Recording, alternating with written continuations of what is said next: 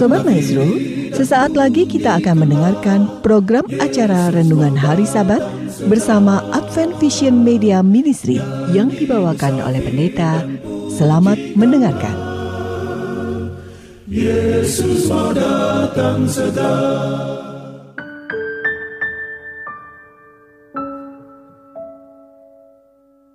Saudara-saudaraku yang dikasih oleh Tuhan, Sobat Maestro yang sungguh kami sangat hormati, selamat pagi dan shalom, selamat sabat buat kita semua. Pada pagi ini, saya Pendeta Cucu Elia akan bersama-sama dengan saudara untuk merenungkan akan firman Tuhan yang pada pagi ini saya beri judul Selamat Natal dari Bani Timur. Sebelumnya saudaraku mari kita akan berdoa. Bapa yang bertahta dalam kerajaan sorga kami memohon bimbingan roh kudus bila mana kami akan membaca firman Tuhan dan merenungkannya bersama.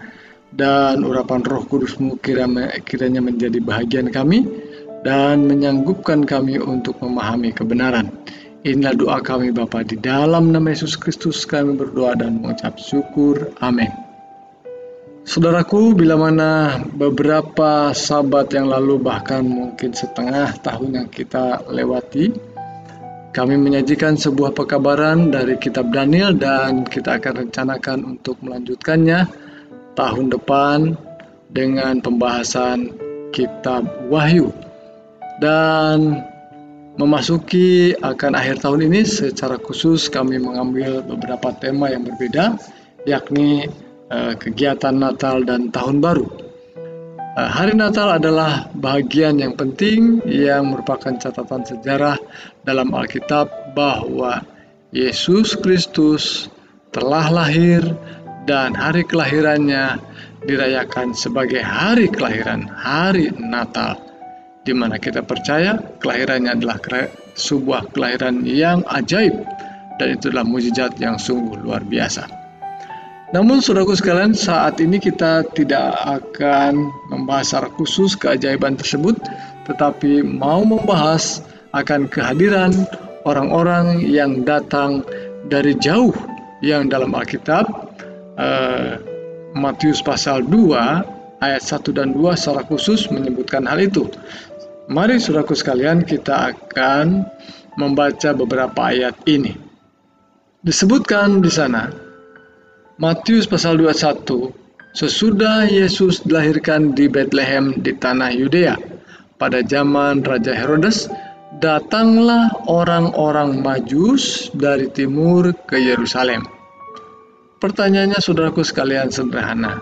Siapakah orang-orang Majus dari timur yang disebutkan dalam Matius pasal 2 ayat 1 yang sedang mencari bayi atau anak yang baru saja dilahirkan menurut apa yang mereka yakini.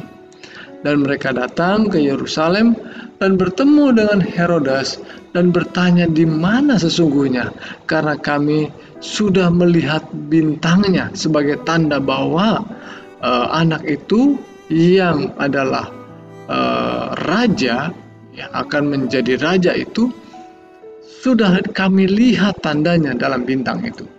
Nah, saudaraku sekalian, pertanyaan sekali lagi, siapakah sesungguhnya orang majus dari timur itu?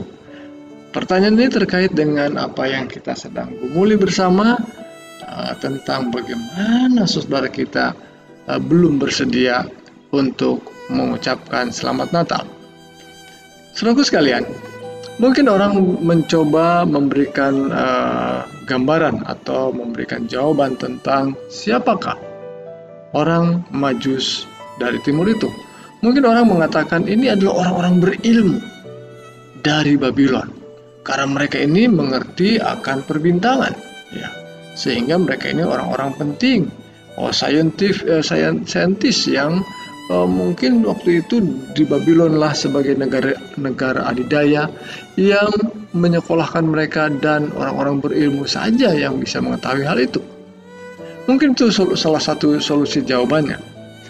Namun mari kita lihat jawaban lain. Mungkin ada orang ber, berpikir juga ini adalah orang-orang yang berilmu magis karena ada kata majus yang agak mirip dengan kata magic atau magis Wah, ini mungkin juga salah satu jawaban yang perlu dipertimbangkan. Atau ada juga yang mengatakan bahwa ini adalah orang-orang yang datang ya dari sebelah timur yang memang memiliki ilmu pengetahuan yang mumpuni. Ya. Nah kemudian eh, berapa banyak sih orang Majus ini sehingga eh, orang Majus ini menjadi perhatian penting bagi banyak orang dan khususnya Raja Herodes. Saya yakin ini tidak sendirian dan juga tidak tiga orang, tetapi mari kita lihat jawaban dari beberapa ayat selanjutnya yang kita akan bahas. Menurut kalimat atau kata yang digunakan tadi bahwa orang Majus itu dari timur. Nah, kata timur inilah yang menjadi perhatian kita untuk menggali dan menemukan jawaban tentang siapa sesungguhnya orang Majus itu. Dalam buku Kejadian pasal 25. Nah, saudaraku sekalian, tentu saja Alkitab tidak perlu ditebak-tebak, tetapi Alkitab memberikan jawaban dan tafsiran yang jelas bahwa Alkitab itu konsisten memberikan uh, jawaban dan juga gambaran yang sama ya. Dalam kejadian pasal 25 di sana ada keturunan-keturunan yang adalah keturunan Abraham juga yang berasal dari istri yang lain yaitu uh, Ketura dan Hagar ya yang dalam hal ini Ismail anaknya. Nah, Ketura memiliki anak-anak dan Hagar memiliki anak dan kemudian Ismail memiliki anak-anak bahkan disebutkan 12 anak atau 12 raja dan mereka ini tinggal di sebelah timur daripada orang-orang Israel. Mari kita lihat ayatnya. Kejadian pasal 25 ayat 2 sampai 6 dikatakan perempuan itu melahirkan baginya Zimran, Yoksan, Medan, Midian, Isbak dan Suah. Yoksan memperanakan Seba dan Dedan. Keturunan Dedan ialah orang Asyur, orang Letus, dan orang Leum.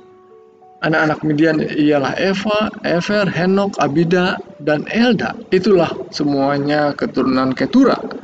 Dan yang paling penting ayat, ayat 6-nya adalah bahwa mereka ya sewaktu uh, Abraham masih hidup ya meninggalkan Ishak anak-anaknya dan pergi ke sebelah timur ke tanah timur sebutkan istilah itu jadi tajam sekali dan ini adalah kata atau frase yang konsisten di mana penulis akan mengingat melanjutkan apa yang sudah dituliskan oleh para penulis atau nabi sebelumnya ya. Demikian juga pada ayat selanjutnya ayat 13 ini tentang keturunan daripada Hagar yaitu uh, Ismail dengan 12 anak ya. Anak-anaknya itu adalah Nebayot dan kemudian Kedar, Adbil, Mibsam, Misma, Duma, Masa, Hadad, Tema, Yetur, Nafis, dan Kedma. Saudaraku, bila mana kita melanjutkan membaca Alkitab, kita akan menemukan nama-nama ini sebagian mungkin sering diulang dan ini penting sekali mengingat nama-nama mereka adalah nama-nama orang penting, orang raja-raja disebutnya. Dan yang saya ingin garis bawahi juga sama seperti ayat yang ke-12 tadi bahwa mereka itu mendiami daerah dari Hawilah sampai Syur yang letaknya di sebelah timur Mesir ke arah Asyur dan mereka menetap berhadapan dengan semua saudara mereka. Berhadapan ya, berdekatan tetapi sebelah timur saudaraku sekalian. Nah, jadi saudaraku kata timur itu begitu melekat kepada anak-anak Abraham dari Ketura dan Hagar. Dan bahkan dalam pasal 29 mereka memiliki nama khusus disebutkan sebagai uh, Bani Timur ya di dalam uh, Kejadian 29 ayat yang pertama. Mereka disebut dengan Bani Timur. Kemudian saudaraku sekalian, sebetulnya mereka dari mana orang Bani Timur ini mendapatkan satu ide untuk mencari petunjuk tentang ada seorang anak akan menjadi raja yang petunjuknya datang dari bintang. Nah, saya ingin membagikan satu ayat penting ya. Di dalam ayat yang uh, terdapat dalam bilangan pasal 24 ayat 17 ini ada cerita tentang seorang nabi. Nabi dari timur. Mengapa mengapa saya katakan demikian ya? Karena nabi dari timur ini sangat jarang. Kebanyakan nabi datang dari orang-orang Israel. Dan dari timur ada dua. Ya dari kelompok atau bani timur ini ada dua yang terdapat dalam Alkitab yakni uh, Ayub sangat populer tentunya. Saudara akan bisa menemukan kata timur di sana dalam Ayub pasal 1 ayat 1 sampai 3 dan yang lainnya yang kedua adalah Nabi Biliam nah Biliam ini saya akan baca ayat dalam pasal 22 ayat 4 dalam kitab Bilangan. Lalu berkatalah orang Moab kepada para tua-tua Midian. Lihat kata Midian ya.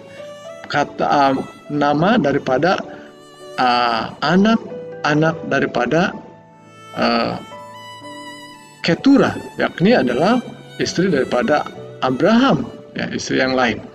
Nah, kemudian Raja ini mengirim utusan kepada Bileam bin Beor ke Petor yang di tepi sungai Efrat di negeri teman-teman sebangsanya yaitu Midian.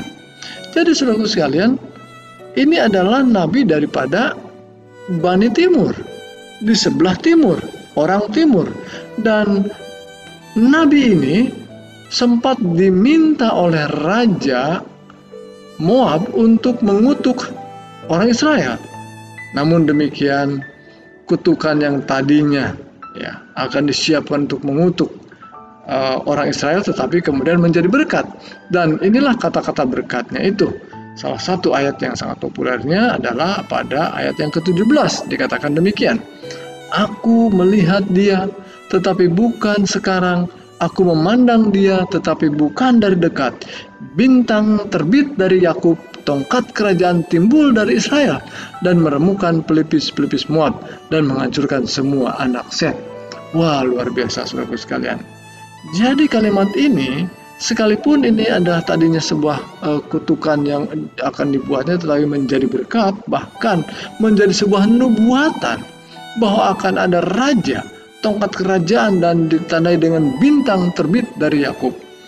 Nah, saudaraku sekalian, Kata bintang inilah yang kemudian mereka ukir, mereka ingat dan menjadi sebuah nubuatan penting bahwa sekalipun mereka menjadi sebuah kerajaan yang hebat, tetapi Mesias itu raja, sebuah raja eh, sebuah kerajaan mendunia di mana rajanya datang dari Tuhan, itu datang dari kaum Yakub dan bintang itu memang terbit dari sana. Tongkat kerajaan timbul dari Israel dan mereka pada akhirnya ya, menggenapi nubuatan daripada uh, Nabi Bilam itu.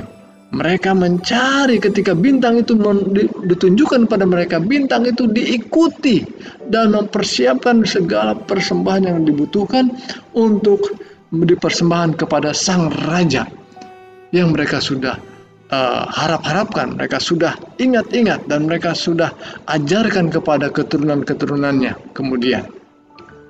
Jadi saudaraku sekalian, rupanya orang majus dari timur itu adalah, sudah bisa kesimpulkan sendiri melalui ayat-ayat ini, adalah keturunan Abraham juga di luar daripada uh, bangsa Israel dari keturunan Yakub, yakni keturunan dari Hagar dan Keturah ya, istri Abraham yang lain yang kemudian mereka menduduki sebelah timur sehingga mereka menjadi Bani Timur dan kemudian mereka saatnya kelak mengikuti akan petunjuk Nabi mereka dan mereka menemukan Sang Mesias yang dinubuatkan tadi melalui petunjuk bintang. Jadi mereka ini mengetahui bintang bukan karena mereka menjadi astronom-astronom yang mengetahui ast astronomi, tetapi mereka mengetahui nubuatan tentang bintang dari seorang nabi mereka. Nah, jadi suku sekalian jelas sekali. Jangan menebak-nebak lagi tentang Matius pasal 2 ayat 1 dan 2 itu bahwa orang Majus itu adalah keturunan Abraham. Tidak ada sekonyong-konyong mendadak mereka mencari sebuah uh, uh, petunjuk tentang adanya seorang raja yang adalah Mesias yang adalah Yesus itu dari sesuatu yang mungkin tidak ada tidak ada satu informasi sama sekali ya tetapi informasi itu nubuatan dari seorang nabi bukan dari seorang astronom ya. baik jadi kita sekarang sudah menemukan bahwa yang datang ke sana itu adalah keturunan daripada Ketura keturunan daripada uh, Hagar yaitu Ismail dan mereka bukan hanya mengucapkan selamat lahir, selamat Natal, tapi mereka juga mempersembahkan persembahan yang sungguh luar biasa bernilai dan bahkan menjadi berkat untuk pertumbuhan atau memelihara kehidupan uh, Yesus waktu, masa kecil di mana persembahan itu persembahan yang sungguh bernilai uh, kemenyan, emas, dan mur yang sungguh sangat dibutuhkan. Kemudian saudaraku sekalian, nubuatan-nubuatan itu kelihatannya bahwa bukan ya bukan sedikit orang hanya tiga orang yang sering kali digambarkan tetapi jumlahnya cukup banyak karena itu adalah bagian daripada nubuatan Yesaya juga bahwa Yesaya menubuatkan bahwa akan uh, datang terang itu Ya, dalam pasal 60 ayat 1 ya saya bangkitlah menjadi teranglah sebab terangmu datang dan kemuliaan Tuhan terbit atasmu. Siapa terang itu? Yesus Kristus. Dan sebab sesungguhnya kegelapan menutupi bumi dan kekelaman menutupi bangsa-bangsa, tetapi terang Tuhan akan terbit atasmu. Dan kemuliaannya menjadi nyata atasmu. Bangsa-bangsa berduyun-duyun datang kepada terangmu, dan raja-raja kepada cahaya yang terbit bagimu. Berduyun-duyun, saudara sekalian bukan sendirian, bukan hanya tiga orang. Dan digambarkan melalui uh, Yesaya pasal 60 ya, ayat yang kelima dan keenam. Anak-anak yang digambarkan tadi. Ada uh, Midian, ada Eva, dan kemudian ada Nebayot, ada Kedar, dan mereka lah yang datang. Yang telah dinubuatkan itu tentunya itu sangat membuat heboh orang Israel dan dan juga Herodes. Siapa mereka ini? Sehingga mencari seorang raja. Dan itu sebabnya mereka, uh, Herodes begitu marah dan mempersiapkan satu uh, satu aturan atau satu hukuman ya hukum dikeluarkan supaya membunuh semua anak-anak yang akan lahir dan di uh, umurnya masih anak-anak dan kemudian mereka akan dibinasakan untuk memastikan bahwa anak itu juga akan mati ya. Baik saudaraku sekalian maka kita sudah menemukan jawabannya tentang siapa orang majus dari timur itu.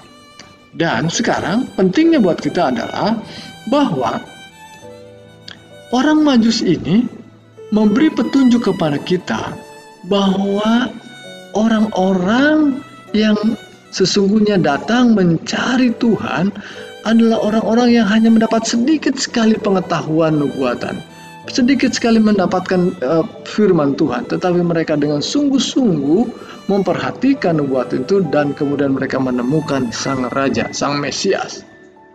Sebaliknya saudaraku sekalian, bangsa Israel yang begitu banyak menerima terang, Bangsa Israel yang begitu banyak menerima nubuatan dan mendapatkan terang melalui para nabinya, mereka acuh tak acuh, tidak memperhatikan nubuatan itu. Sekalipun ada banyak tanda-tanda nubuatan itu memastikan tentang Yesus yang lahir ya di antara mereka. Mereka tidak peduli saudara sekalian. Tidak ada satupun yang datang dan mungkin hanya gembala saja yang dikasih tahu juga itu pun karena dikasih tahu oleh malaikat secara khusus dan mereka yang diberitahu itu begitu menyambutnya sekalipun orang-orang sederhana. Tetapi orang-orang yang melayani di Ka'bah, orang-orang yang setiap hari bergaul dengan firman Tuhan kelihatannya mereka terlena dengan begitu banyaknya kegiatan-kegiatan rohani, kegiatan-kegiatan ibadah. Tetapi mereka lupa bahwa yang mereka sedang agung-agungkan, mereka yang sedang mereka sembah sudah ada di hadapan mereka. Itu sebabnya saudaraku sekalian, saudara dan saya perlu lebih teliti memahami kebenaran firman Tuhan, memahami nubuatan firman Tuhan, sehingga jangan sampai kita ketinggalan ketika Tuhan datang lagi di hadapan kita, yakni kedatangan Tuhan yang kedua kali. Saudara-saudaraku yang dikasih oleh Tuhan, pada momen ini saya ingin mengatakan pada kita semua bahwa jangan kita bersedih, jangan kita mengkhawatirkan ketika kita merasa bahwa ini hari Natal, tidak ada orang yang menyambut kita dan mengucapkan selamat Natal, itu bukan persoalan penting buat kita. Karena kita mempercayainya sekalipun orang lain tidak mengakuinya tetapi peristiwa itu adalah peristiwa yang sudah terjadi dan bahkan keturunan Ismail keturunan daripada Abraham sesungguhnya telah menyatakan dirinya mengakui dan bahkan datang mengucapkan selamat dan bahkan mereka mempersembahkan persembahan. Demikian renungan kita pada pagi hari ini. Kiranya Tuhan berkati. Mari kita berdoa. Bapak yang penuh kasih kami ucap syukur untuk firman Tuhan yang kami telah dengarkan dan pengajaran yang mengingatkan kami betapa indahnya kebersamaan kami sebagai keturunan Abraham. Kami mewarisi akan iman Abraham. Kami mewarisi akan ibadah yang benar di hadapan Tuhan. Dan kami mewarisi berbagai aturan penting di dalam sehingga kami boleh menjadi satu dalam kebenaran Tuhan. Bapa di surga inilah kami sebagaimana kami ada, berkati kami Tuhan untuk kami penuh dengan keikhlasan, kerelaan, menjalani kehidupan dan bahkan mengikuti upacara-upacara perayaan-perayaan dalam menyambut hari Natal sehingga kami bukan sekedar merayakan saja Tuhan tetapi kami sungguh mau mengikuti teladan Tuhan kami Inilah doa kami Tuhan. Inilah ucapan syukur kami Tuhan. Berkati semua pendengar Meso dengan segala pergumulannya, tantangannya dan bahkan sakit penyakit yang dialami. Jamahan tangan Tuhan kerana memberikan kekuatan dan bahkan kepulihan. Di dalam nama Yesus Kristus kami berdoa dan mengucap syukur.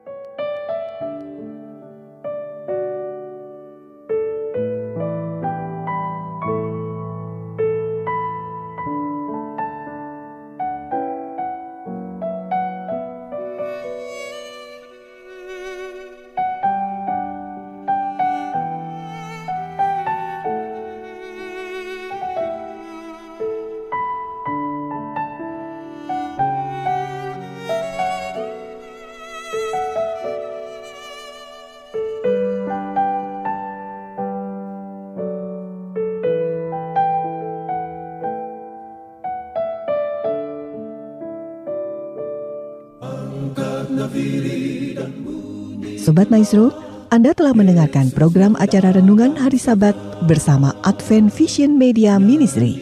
Untuk tanggapan pendengar, hubungi 087 888 777 689. Terima kasih atas kebersamaan Anda.